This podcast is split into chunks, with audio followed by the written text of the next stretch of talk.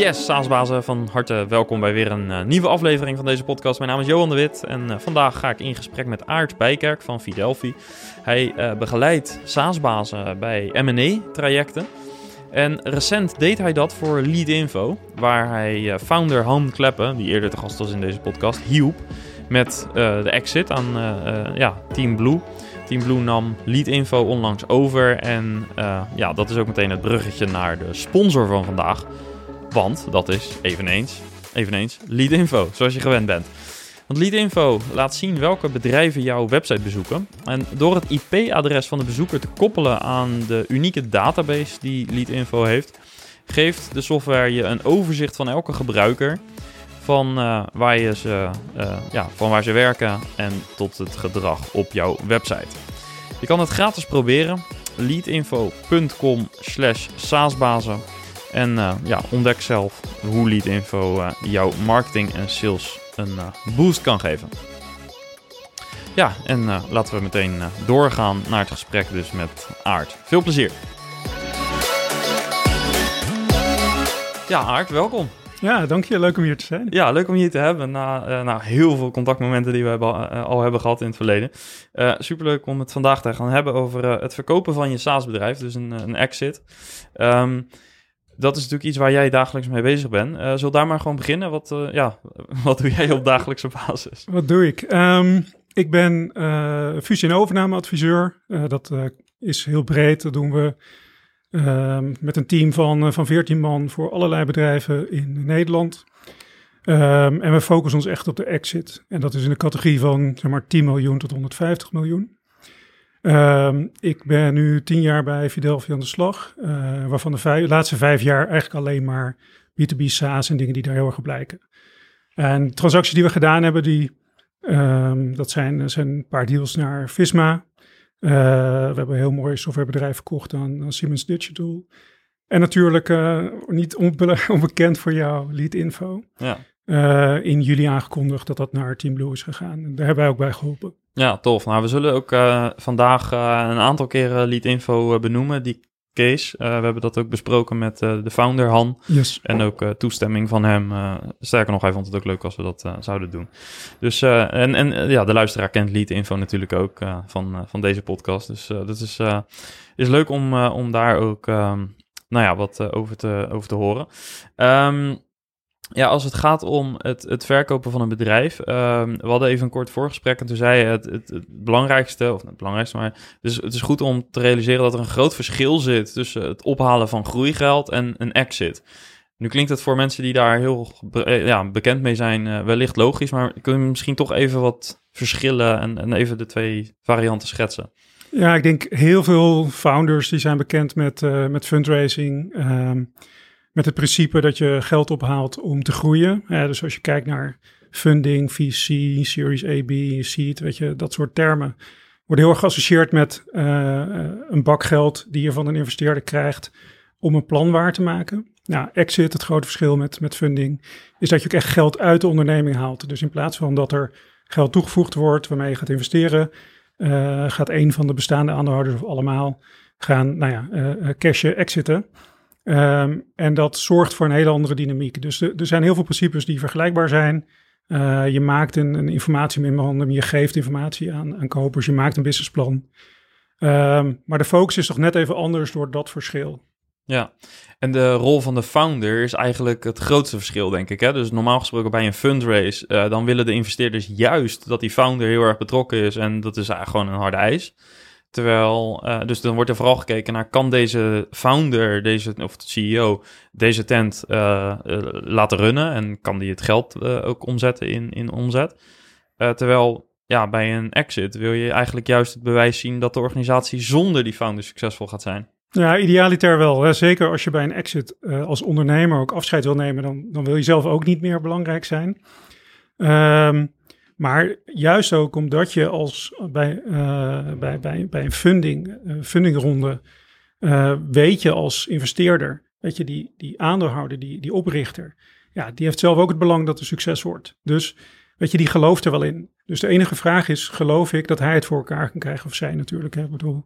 Um, en bij een exit is het heel anders. Waarom wil iemand er vanaf? Waarom wil die nu niet, zeg maar, aandeelhouder blijven en dus profiteren van de groei en de potentie? En zou ik daar dan wel in moeten stappen? En dat is iets negatievere view. Um, en uh, nou ja, dat, dat, dat, maar dat is wel belangrijk. Iemand die een bedrijf koopt, uh, geld overmaakt naar een andere aandeelhouder, die stelt zich wel die vragen. Ja, en uh, dan heb je het een beetje over uh, ja, wat, wat voor motieven kan je hebben om je bedrijf te verkopen. Kun je iets zeggen als je hebt goede en minder goede motieven? En zo ja, welke zijn dat? Nou, kijk, iedereen, ik denk iedereen heeft het recht op zijn eigen, eigen redenen om te verkopen. Er zijn hele logische redenen. Dus uh, founders die zeggen, joh, ik was hartstikke goed in dat, in dat oprichten van een bedrijf, dat starten, dat worstelen met mijn voet in de modder. Uh, maar nu moet ik gaan managen, vergaderingen, dat soort dingen. Daar kan ik gewoon niet zo goed. Uh, weet je, dat is denk ik een hele terechte reden om na te denken of jij wel de goede eigenaar bent. Um, je hebt uh, het op dezelfde manier, weet je, je bent als ondernemer lang bezig geweest. Je kan het goed, je vindt het leuk.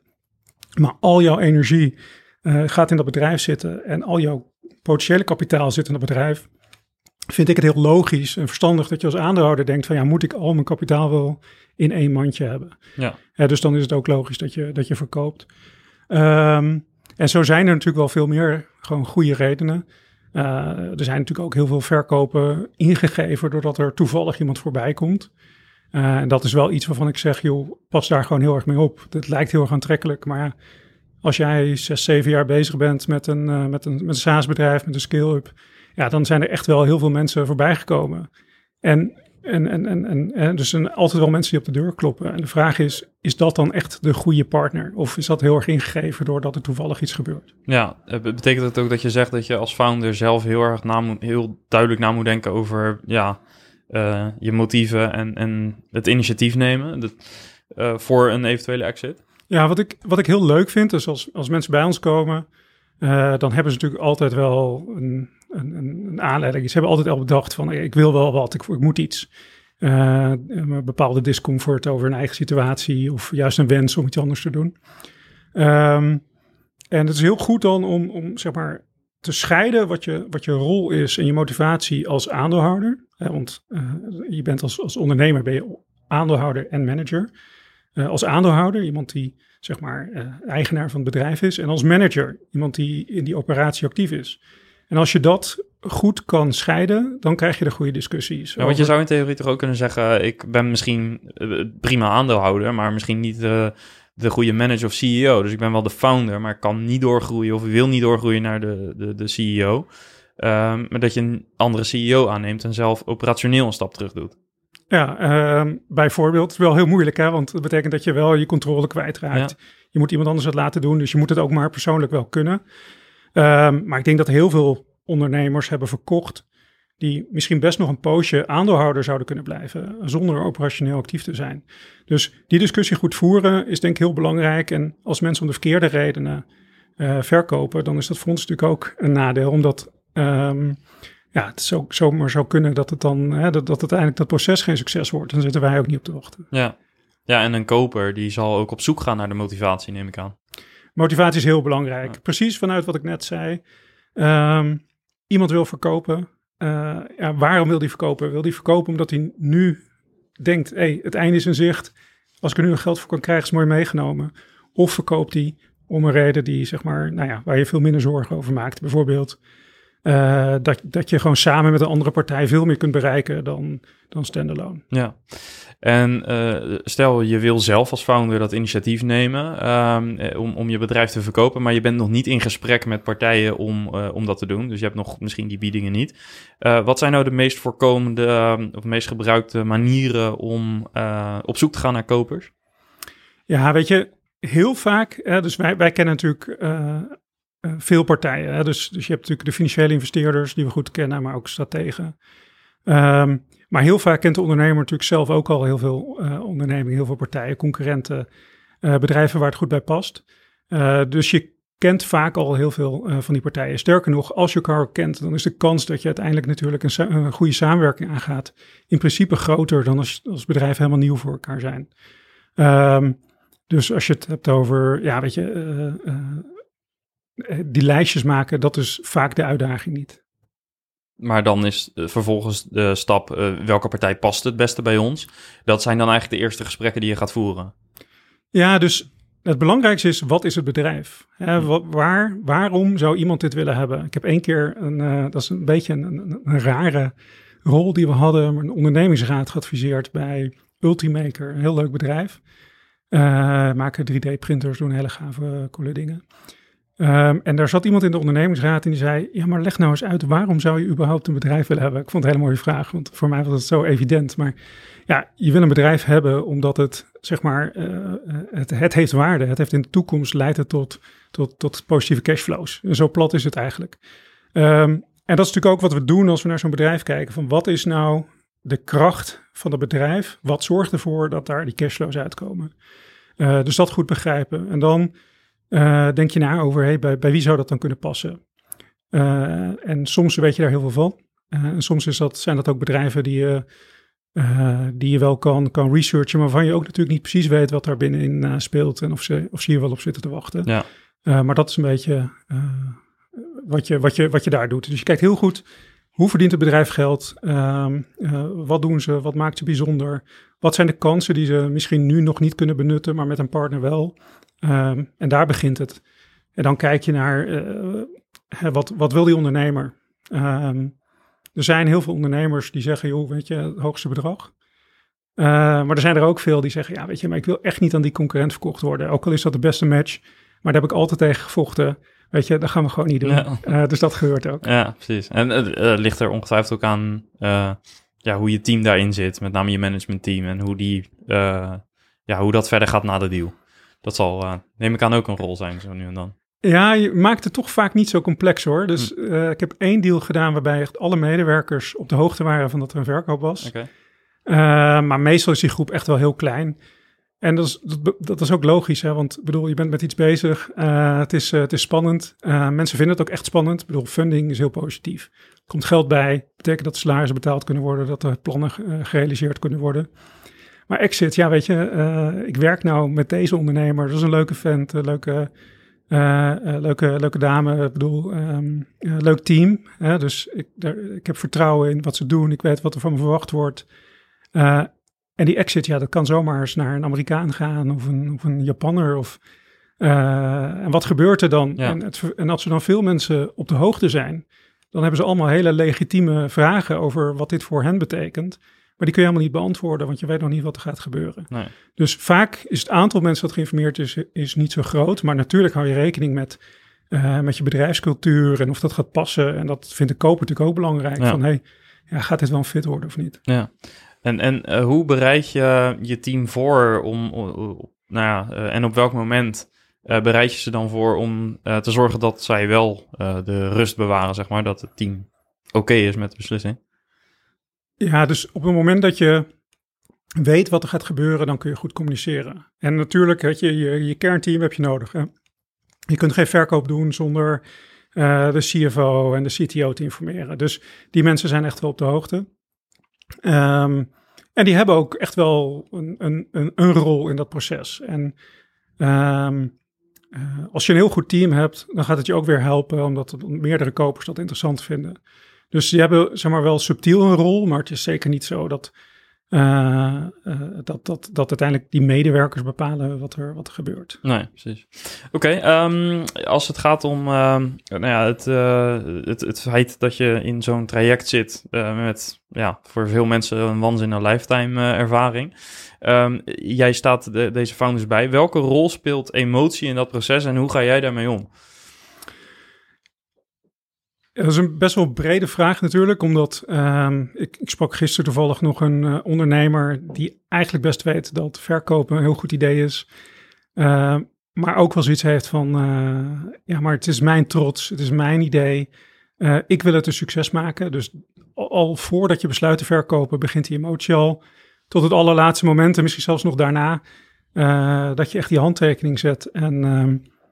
Uh, en, en die dingen bij elkaar komen. En dat is natuurlijk, ja, dat hele proces is een rollercoaster van allerlei emoties. Ja, en, en um, wat, wat is jouw rol, zeg maar, op dat moment als uh, nou, de, degene die de deal begeleidt?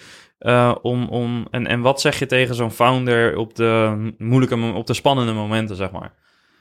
Ja, het begint met, weet je, mensen ook gewoon klaarmaken voor, voor wat er gaat gebeuren.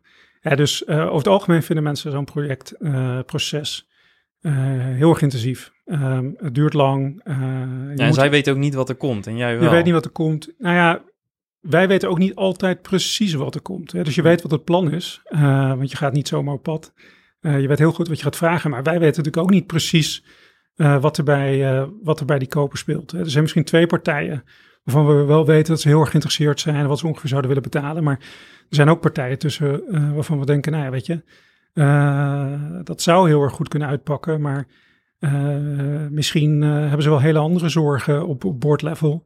En, en, en weten we natuurlijk niet of, of ze dit gaan doen. Dus um, we weten wel dat het intensief is. En we weten ook dat je, dat je vermoeid kan raken in zo'n proces. En dat is heel slecht voor, nou ja, voor, voor mensen zelf, voor motivatie, voor ook wel de kans van slagen, maar ook heel vaak voor de operatie. Vergeet, je, vergeet niet dat in zo'n proces wil je natuurlijk wel dat het bedrijf uh, zijn resultaten blijft halen. Dat je de groeicijfers die je hebt gepresenteerd ook echt wel gaat bereiken. Want ja. anders sta je 4-0 achter. Ja.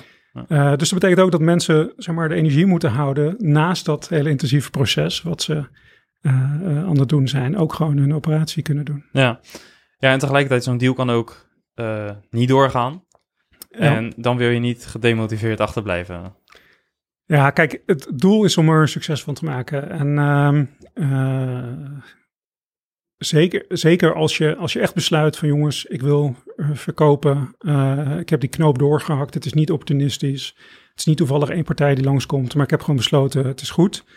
Uh, dan wil je dat het succes wordt. Juist omdat je, weet je, je gaat al je concurrenten ga je gevoelige informatie geven. Je gaat ehm, ja, toch bepaalde beslissingen nemen om te zorgen dat je ehm, bedrijf zonder jou verder kan bijvoorbeeld. Nou, dat, dat soort dingen. En dan als je die keuze hebt gemaakt, dan wil ik gewoon graag dat het een succes wordt. Ja, uh, we noemden in het begin al even lead info. Um, even om te beginnen, hoe heeft jouw rol eruit gezien bij de ja, overname van lead info? Ja, het verhaal, het verhaal is natuurlijk ietsje langer. Dat is, dat is denk ik het, het leuke om, om te vertellen. Daar heb jij ook een rolletje in, toevallig, zonder dat je het wist. Um, wij waren ook klant van, uh, van Lead Info, uh, want het is gewoon een leuke oplossing. En uh, nou, ze waren de beste in de markt op het moment dat wij ons research deden. Dus we kenden het product al. Um, wat ik natuurlijk niet wist, is dat Han een paar jaar bezig was. Nou, je hebt hem hier in de, in de aflevering gehad. Um, en die was natuurlijk ook benaderd. Dus die, die, die had een heel mooi bedrijf neergezet. die had ook wel door, oké, op een gegeven moment ben ik misschien niet de aandeelhouder die, uh, die, die zeg maar, eigenaar moet blijven van, van het bedrijf. Was benaderd, uh, in gesprek gegaan, wat informatie gedeeld, nog wat meer informatie gegeven, nog een interview. Um, ja, dus dat was een proces geworden. Uiteindelijk kwam daar een bieding uit en die bieding viel hem heel erg tegen. Um, en uh, nou ja, precies op het moment dat hij zeg maar, die partij afbelde van jongens, het is te weinig en ik, ik zie het zo niet zitten uh, nou, toen kwam ik hem tegen op een barbecue in Scheveningen. En uh, ik had dat uh, gesprek met hem en hij was best goed wat hij wilde. maar ik zei, ja, waarom doe je dat in vredesnaam alleen? Ik bedoel, ja, het is een soort... je hebt dat tv-programma Ik Vertrek, waar mensen voor het eerst gaan, gaan, ze, gaan ze wat doen. En, en het is leuk omdat, omdat alles fout gaat. Maar al die mensen maken wel dezelfde soort fouten. Ja. en, en waarom Hè, als je alles zo goed doet in je bedrijf, waarom doe je dan dit belangrijke stuk uh, nou ja, relatief onvoorbereid en relatief optimistisch? Ja. En, en, en, en zo is het begonnen. Uh, kijk, het begint natuurlijk met gewoon een hartstikke mooi bedrijf. Uh, Nederland markt, uh, marktleider, België heel succesvol, Duitsland succesvol, nog 25 andere landen. Um, wat, wat, wat onze rol is, is eigenlijk, het is heel, er zijn verschillende dingen die we doen. Maar het belangrijkste is dat je dit vaak hebt gedaan. Dat je iemand meeneemt uh, door dat proces. Dat je helpt met dingen die moeten gebeuren. Dat je weet dat over drie, vier maanden bepaalde vragen gesteld gaan worden. En dat je zorgt dat je nu al de antwoorden uh, hebt. Zodat je nou, heel professioneel overkomt. Zodat je uh, de tempo erin houdt. Allemaal dat soort dingen. Ja, en ook het vertrouwen geeft, houdt aan de koperskant, zeg maar. Absoluut. Ja. dus wat je ziet is nou, heel veel ondernemers. Um, zijn heel veel die het goed doen. Uh, maar er zijn toch wel heel veel ondernemers waar bijvoorbeeld uh, financiële rapportages net even iets minder zijn dan wat mensen verwachten. Of uh, dat je processen nog niet helemaal hebt geformaliseerd zoals je dat zou doen als je een corporate was. Ja, dat zijn dingen waar die kopers wel heel erg op gaan letten en die voor jou nu niet zo belangrijk zijn. Kun je een aantal van dat soort factoren noemen? Dus inderdaad je financiële huishouding uh, dan? Uh, ja, ja dus, dus zeg maar je... Ja, wel, het belangrijkste is natuurlijk gewoon het, het machientje, uh, het, het, het, het, het apparaatje wat je hebt gebouwd om te zorgen dat je producten kan verkopen, dat je klanten succesvol worden, dat je gaat upsellen, et cetera. Dus eigenlijk het, het geldmachientje wat je aan het bouwen bent. Um, dat dat schaalbaar is. Dat je dat dus in Nederland kan. Oké, maar als je dat in Duitsland op dezelfde manier kan, is dat natuurlijk enorm interessant. Want dat betekent dat alles wat voor Nederland geldt, dat het ook internationaal geldt. Dus dat goed naar in kaart hebben en goed controleren. Van hoeveel marketing spend uh, doen we? Wat is onze conversie in die verschillende landen? Kunnen we uh, verschillende groepen? Begrijpen we dat goed? Hè? Dus, dus dat is belangrijk. Uh, uh, security is, is, steeds belangrijker. In twee jaar, drie jaar tijd is de aandacht daarvoor ook veel beter geworden. Van kopers veel professioneler. GDPR bijvoorbeeld. Um, ik zeg altijd tegen mensen van ja, ik rij ook wel eens te hard met de auto. En, en als je onderneming hebt, dan, dan, dan negeer je soms ook wel een klein beetje de GDPR-regelgeving. Maar voor grote kopers is dat heel belangrijk. dus uh, nou, dat zijn dingen waar je echt nog wel wat aan kan doen als je de tijd hebt. Ja, en uh, aan de operationele kant, uh, een, een, een beetje een open deur is natuurlijk dat jij dat het bedrijf niet aan jou moet ophangen. Maar zijn er nog andere dingen waar een koper vaak naar kijkt als het gaat om ja, de voorspelbaarheid dat het machientje gaat draaien of blijft draaien? Ja, dat, dat, dat verhaal moet kloppen. Dus dat machientje, dat, is, dat kun je in, in, in cijfers uitdrukken, in KPI's en in, in ratio's. Maar er horen processen bij, er horen mensen bij die het doen. Er horen. Uh, dus, dus dat schaalbaar kunnen doen, uh, dat moet allemaal aan elkaar geknoopt, vastgeknoopt zitten. Ja. Um, en dat is eigenlijk nog veel belangrijker dan vier of vijf verschillende onderdelen. Het hele plaatje moet kloppen, moet bij elkaar passen. Ja, en um, wat zijn nou de meest voorkomende uitgeleiders van, van SaaS-bedrijven uh, als ze dit proces ingaan? Wat is, er, wat is relatief gezien minst vaak op orde? Ja, het, uh, ik, ik denk toch, hè, dus financieel, je, je financiële rapportages met een hoge kwaliteit, met een soepel proces dat je snel kan afronden, dat is heel erg belangrijk. want dat uiteindelijk is het voor een ondernemer die, die begrijpt wel heel goed hoe zijn business werkt. En die heeft ook wel gewoon gevoel over hoe dingen in elkaar zitten. En die kijkt naar bepaalde cijfers en dan weet hij ongeveer dat hij goed zit. Ja, maar om dat gevoel echt over te dragen, dat kan bijna niet anders dan wanneer je het gewoon in, uh, in Excel kan stoppen, zal ik maar zeggen. Ja, ja en ook omdat ja, alle achtergrondinformatie die jij als founder in je hoofd hebt, dat is ja, uh, dat, dat mist natuurlijk de koper. En dat is het mooie van, van SaaS-bedrijven. Je kunt heel veel uitdrukken in cijfers. Ja. Je kunt ook echt wel te ver ingaan, hè, want je hoeft helemaal niet hele ingewikkelde statistische modellen te gebruiken of allemaal dat soort dingen. Daar gaat het helemaal niet om. Maar um, als je goed kunt uitleggen hoe je klanten binnenkomen, uh, dat je goed in staat bent om ze vast te houden, dat je ze succesvol weet te maken, ja, dan, dan, uh, dan, dan, kun je dat heel goed uitdrukken in een paar goede uh, KPI's. Ja, dus eigenlijk voorbereiding is, is alles. als ik dat zo hoor. Um, op het moment dat je naar het moment van de deal toe gaat, um, wat zijn Um, ja, dat is ook wederom een brede vraag, want dat komt natuurlijk omdat het, ja, elk proces is natuurlijk anders. Uh, maar als je naar zo'n uh, moment van deal toe gaat, wat zijn dan echt de beslissende factoren? Als, als je het al eens bent over uh, het machientje, wat zijn dan nog dingen waar je ja, als founder op moet letten dat dat in orde is? Kijk, waar, waar ik heel erg in geloof en waar wij heel erg in geloven is om competitie in je verkoopproces te brengen. dat is ook waarom voorbereiding zo belangrijk is. Wat dat betekent dat je van meerdere partijen tegelijkertijd vragen krijgt en die wil je allemaal snel kunnen beantwoorden. Als je dat zonder voorbereiding doet, dan is dat, uh, is dat onmogelijk. Um, en, en die competitie, uh, dat is denk ik een hele belangrijke. En als je te vroeg met één partij gaat praten, ja, dan doe je jezelf tekort. Ik denk dat dat echt de beginnersfout is. Ja, En uh, hoe pak je dat aan? Want er zijn verschillende manieren zeg maar, om dat te doen. Hè? Maar een van de dingen is, wat je al zei, zorg dat je je partijen weet waar je het wil aanbieden.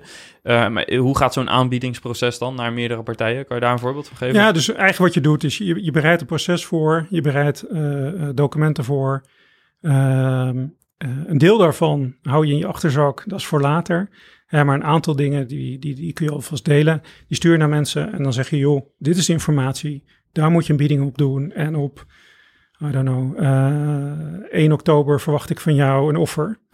Um, dus dat zorgt voor, voor dat proces. En dat goed managen, dat betekent dat je zorgt dat iedereen op hetzelfde moment dezelfde informatie heeft. Dat ze de juiste informatie hebben om een goede, goede bieding op te doen. Dus als ze die bieding doen, is er eigenlijk geen reden waarom ze het niet zouden afmaken. Want ze weten de belangrijke, uh, uh, alle belangrijke topics. Um, en uh, dan heb je ook op die 1 oktober in dit geval, heb je iets te vergelijken. Want je hebt op hetzelfde moment partijen die even ver zijn. Uh, en dan kun je zeggen van, hé, hey, uh, dit is wel heel erg interessant. En, en die mensen stellen me teleur. En zodra je eigenlijk die partijen, want ik vertel natuurlijk wel een paar geheimen, dus ik hoop dat de kopers niet meeluisteren. Maar als je ze, als je ze zeg maar niet op hetzelfde niveau hebt zitten, ja, dan, dan moet je toch een gok wagen, zeg maar. Van ja, gaan iemand anders zou nog komen? Uh, misschien is er nog een vierde of een vijfde koper. Dus, dus dat is heel erg belangrijk in het proces. En dat is natuurlijk wat wij ook doen door het juist voor te bereiden.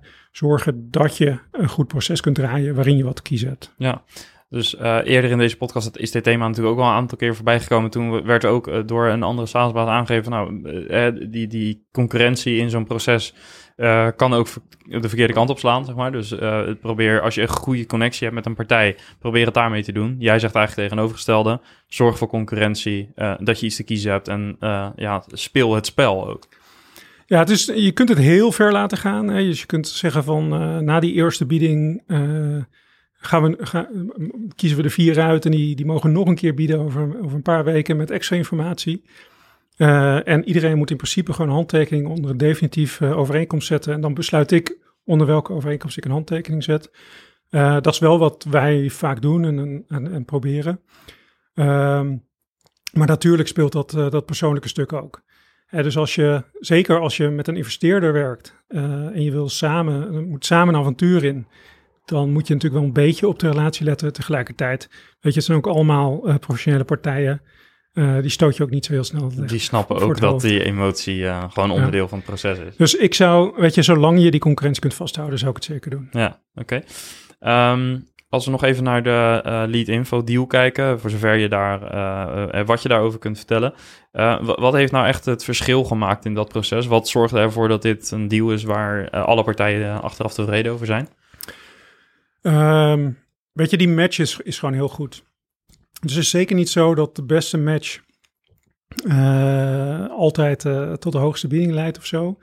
Um, maar die, die match is gewoon heel belangrijk. Dus waar Han op zoek was, was een, hè, dus, dus een bedrijf wat de potentie van Lead Info internationaal een stuk dichterbij zou kunnen halen. Dus hij wist wel, als ik het, als ik het zelf ga doen, dan begin ik een, een, een sales team in Duitsland, een sales team in Portugal, uh, Denemarken. Hè, want dat was het model wat gewoon heel goed werkte. Um, maar als ik dat doe, dan heb ik ook heel veel kans dat ik de verkeerde mensen aanneem. Dat ik heel veel moet managen, omdat ik die cultuur moet overdragen naar een ander land. Um, dus dat machientje, dat, dat werkte wel. Dat werkte in Nederland, België, Duitsland, heel veel andere landen ook. Dus het was wel heel voorspelbaar. Maar je wil ook uh, die executie kunnen doen. En ze waren met 25 man hier in uh, Capelle. Uh, en om die stap te maken, dat is toch wel een flinke. Het grappige is dat Team Blue uiteindelijk een koper uh, die, die verkopen hosting uh, ook middels uh, allerlei marketingbureaus. En die marketingbureaus, online marketingbureaus, agencies, et cetera. Dat waren ook de partners, of dat zijn ook de partners van Lead Info. Dus daar lag een enorme overlap om daarop samen te werken. Dus eigenlijk synergie is hier de sleutel. Dus dit is, synergie is ja. hier absoluut het sleutelwoord. Ja ja, ja. Um, probeer deze aflevering ook uh, ja, uh, natuurlijk wat, wat meer te schetsen in, in de hele breedte. Dus wat kun je in het algemeen doen als SaaS, wat kun je verwachten.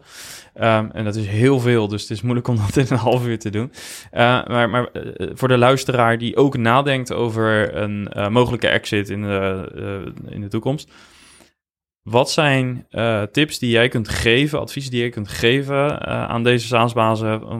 wat zouden de eerste dingen kunnen zijn die ze kunnen ondernemen om uh, klaar te zijn voor een exit over 12, 24 maanden? Ja, het is wel grappig dat je dat zegt, omdat de, de periode is heel erg, heel erg afhankelijk van wat je nog kunt doen.